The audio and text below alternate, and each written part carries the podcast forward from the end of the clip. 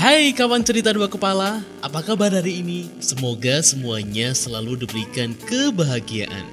Nah, melanjutkan pembahasan pada tema episode sebelumnya, kali ini kita akan bahas tipe kepribadian sanguinis. Apa saja itu? Sebelumnya siapkan cemilan atau cari tempat nyaman ya untuk mendengarkan. Cerita dua kepala sudah merangkumnya dari berbagai sumber untukmu. Yuk, simak pembahasannya. Apakah kamu seorang sanguinis? Tipe sanguinis ini memiliki unsur kepribadian yang panas. Mereka orang sanguinis dikenal memiliki pembawaan ceria, aktif, antusias, dan optimis. Biasanya mereka adalah pribadi yang sangat mudah bergaul dan mudah membangun suasana menjadi lebih menyenangkan. Selain itu, mereka juga menyukai petualangan. Berkebalikan dengan tipe plekmatis, orang sanguinis mudah berganti haluan dalam hidupnya.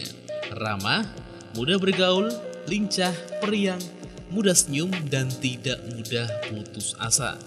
Seorang berkepribadian sanguinis dari segi pekerjaannya mempunyai ciri-ciri sukarelawan untuk tugas, memikirkan kegiatan baru, tampak lebih hebat di permukaan, kreatif, dan inovatif. Juga punya energi dan antusiasme, mulai dengan cara cemerlang, mengilhami orang lain untuk ikut dan memesona orang lain untuk bekerja.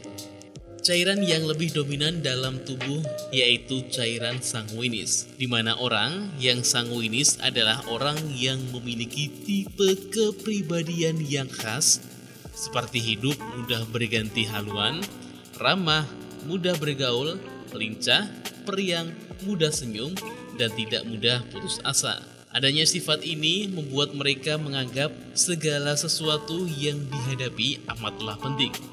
Tapi, segera dapat melupakan dengan waktu yang singkat. Nah, bagaimana? Sampai di sini, apakah kamu adalah seorang sanguinis? Mari kita lanjutkan. Selain beberapa hal sebelumnya, ada juga tipe sifat-sifat buruk yang kadang menghantui seorang tipe kepribadian sanguinis. Antara lain, sifatnya yang mudah berpindah haluan atau mudah bosan membuatnya ingin selalu mencari hal-hal yang baru untuk memenuhi kesenangan mereka. Hal ini kadang-kadang menjadi sesuatu yang negatif dan banyak sedikitnya mempengaruhi mereka dalam hubungan percintaan atau lainnya. Nah, apakah kamu juga memiliki masalah yang serupa? Meskipun begitu, orang sanguinis biasanya menghindari hal-hal tersebut dengan belajar untuk lebih bisa mengontrol dirinya sendiri. Untuk sanguinis, karir ideal untuk seorang yang riang dan optimis ini antara lain marketing, traveling, fashion, memasak atau kuliner, dunia hiburan, dan olahraga. Akan tetapi, mungkin juga bisa kalian temui tipe sanguinis ini dalam bidang pekerjaan lainnya. Apakah kamu telah menemukan dirimu di sini? Jika masih belum, tenang saja, pada episode mendatang akan ada lanjutan pembahasan lainnya. Stay tune terus di Cerita Dua Kepala. Terima kasih telah mendengarkan. Jangan lupa untuk membagikannya pada teman-teman kalian.